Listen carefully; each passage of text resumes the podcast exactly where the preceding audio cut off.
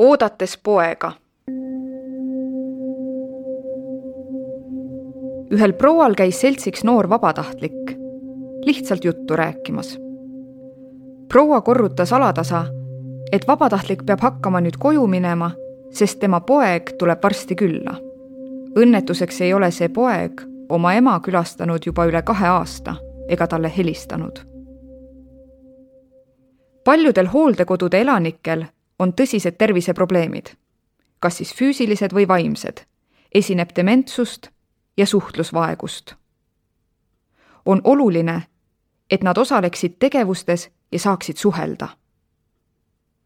külastuspiirangute tõttu on ära jäänud paljud tegevused, sealhulgas näiteks päevakeskuste korraldatud vestlusringid ja vabatahtlike seltsiliste külaskäigud, mis hooldekodu elanikele vaheldust ja rõõmu pakuvad nii mõnedki neist tunnistavad, et näevad hooldekodudes palju igavlemist. õiguskantsler juhib juba aastaid tähelepanu, et hooldekodud pakuksid rohkem mõtestatud ajaveetmisvõimalusi. inimesel peab olema tegevus, siht ja elu mõte, muidu muutub ta ükskõikseks. ehkki õiguskantsler on täheldanud, et hooldekodudes töötab järjest rohkem inimesi, kes oma hoolealustest tõesti hoolivad on teatud probleemid siiski püsima jäänud. kuna puudu on inimestest, eriti just vajaliku ettevalmistusega töötajatest, ei ole neil võimalik ka küllalt tähelepanu pöörata näiteks dementsetele inimestele, kelle uitamise ja kaotsi mineku vältimiseks lukustatakse neid tubadesse või kasutatakse sidumisvahendeid, mida seadus ei luba. paljud hooldekodud on veel vanades mõisahoonetes kus liikumist takistavad kitsad uksed ja trepid, kõrged lävepakud. teinekord ei saa hooldekodu elanik hügieenitoimingutel piisavalt privaatsust. sellistel juhtudel tuntakse alandust. hooldekodusse elama minek on eakale niigi raske kogemus, sest tuleb jätta oma kodu koos mälestustega. mõni ei saagi igatsusest üle külastuspiirangud on hetkel kõikides hooldekodudes, suhtlemist kõvasti vähem ja hirm tuleviku ees on suur nii elanikel kui ka personalil. Neid inimesi, keda hooldekodudes vahelgi külastati, ei külastata enam üldse. ja see olukord aina suurendab üksilduse protsenti Eesti eakate seas, ütleb majandustudeng Norman Vester, kes on loonud vabatahtlike ühenduse Communicare et pakkuda hooldekodude elanikele seltsi. hetkel vabatahtlikud hooldekodudes ei käi. oodatakse olukorra leebumist. Vesteril on kogemusi üle kuuekümnest hooldekodust Suurbritanniast ja Eestist. Inglismaal hooldekodudes vanuritega aega veetes avastas ta, et seal ei käi neil keegi külas Eestiski külastatakse hooldekodude elanikke ühe uuringu järgi vaid mõni kord aastas. see jäi kripeldama. noormees leiab, et eakate üksildus on üks kõige suurematest probleemidest meie vananevas ühiskonnas. selle on tinginud ühiskonna kiire areng koos linnastumisega. inimesed otsivad õnne individuaalselt, unustades samal ajal need, kes on andnud kõik selleks, et seda õnne oleks võimalik otsima minna. praegune pandeemia jääb tema sõnul hooldekodusid mõjutama veel mitmeks aastaks ning külastamine ei ole kindlasti enam nii lihtne, kui see kunagi oli.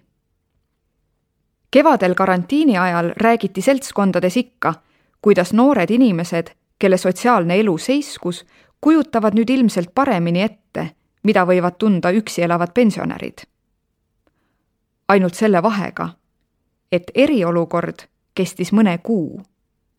vanemas eas võidakse üksi elada isegi aastakümneid. erinevate uuringute järgi tunneb end üksildasena kuni kaks kolmandikku Eesti inimestest. mida vanem vanusegrupp, seda üksildasemalt end üldiselt tuntakse. siis, kui juba igalt poolt valutab, paljud sõbrad on surnud, lastel ja lastelastel on omad kiired tegemised. kes oli varem väga seltsiv, tunneb end ilmselt üksildasemalt kui introvertsem tüüp. üksildust on aina rohkem uuritud ka küsitlustes ja lõputöödes. ühest lõputööst tuleb välja, et kaheksakümneaastased ja vanemad tunnevad end tihti sõpradeta, elust ära lõigatu ja mõttetuna. Nende suhted teiste inimestega on pealiskaudsed. igatsus hea sõbra järele on suur, aga uuteks lähedasteks suheteks valmis ei olda, sest neid segab arvamus endast. olen vana, väsinud, kole ja haige.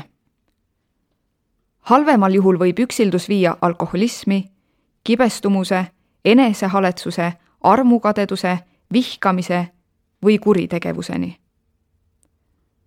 Võidakse muutuda oma lähedaste suhtes liiga nõudlikuks. üks tuttav räägib, kuidas tema vanaema ootas iga päev trepil oma tütart koju. ei läinud enne koduuksest sisse, kui tütar töölt tuli. Neil kujunes välja omamoodi sõltuvussuhe. kui vana naine suri, oli tütrel alguses väga raske kuid aasta pärast tundis ta end vabana. Vähestest üksildastest saavad sarikülastajad ametnike juures või sarihelistajad hädaabinumbrile. Eestis on kaheksateist sarihelistajat, enamasti eakad, kellest üle poole on mehed. tavaliselt on nad purjus või vaimse tervise probleemidega. Nende kõned on agressiivsed, segased ja arusaamatud ainuüksi tänavu esimesel poolaastal tegid nad kolm tuhat kakssada kõnet. Nendega räägiti kokku sada üksteist tundi. nii nagu ka näiteks alkoholismi puhul, on üksildusegi puhul oluline kõigepealt endale probleemi tunnistada. Tartu elanik, mees, seitsekümmend kaheksa. kuidas sina kirjeldaksid üksildust? üksildus. See on igatsus.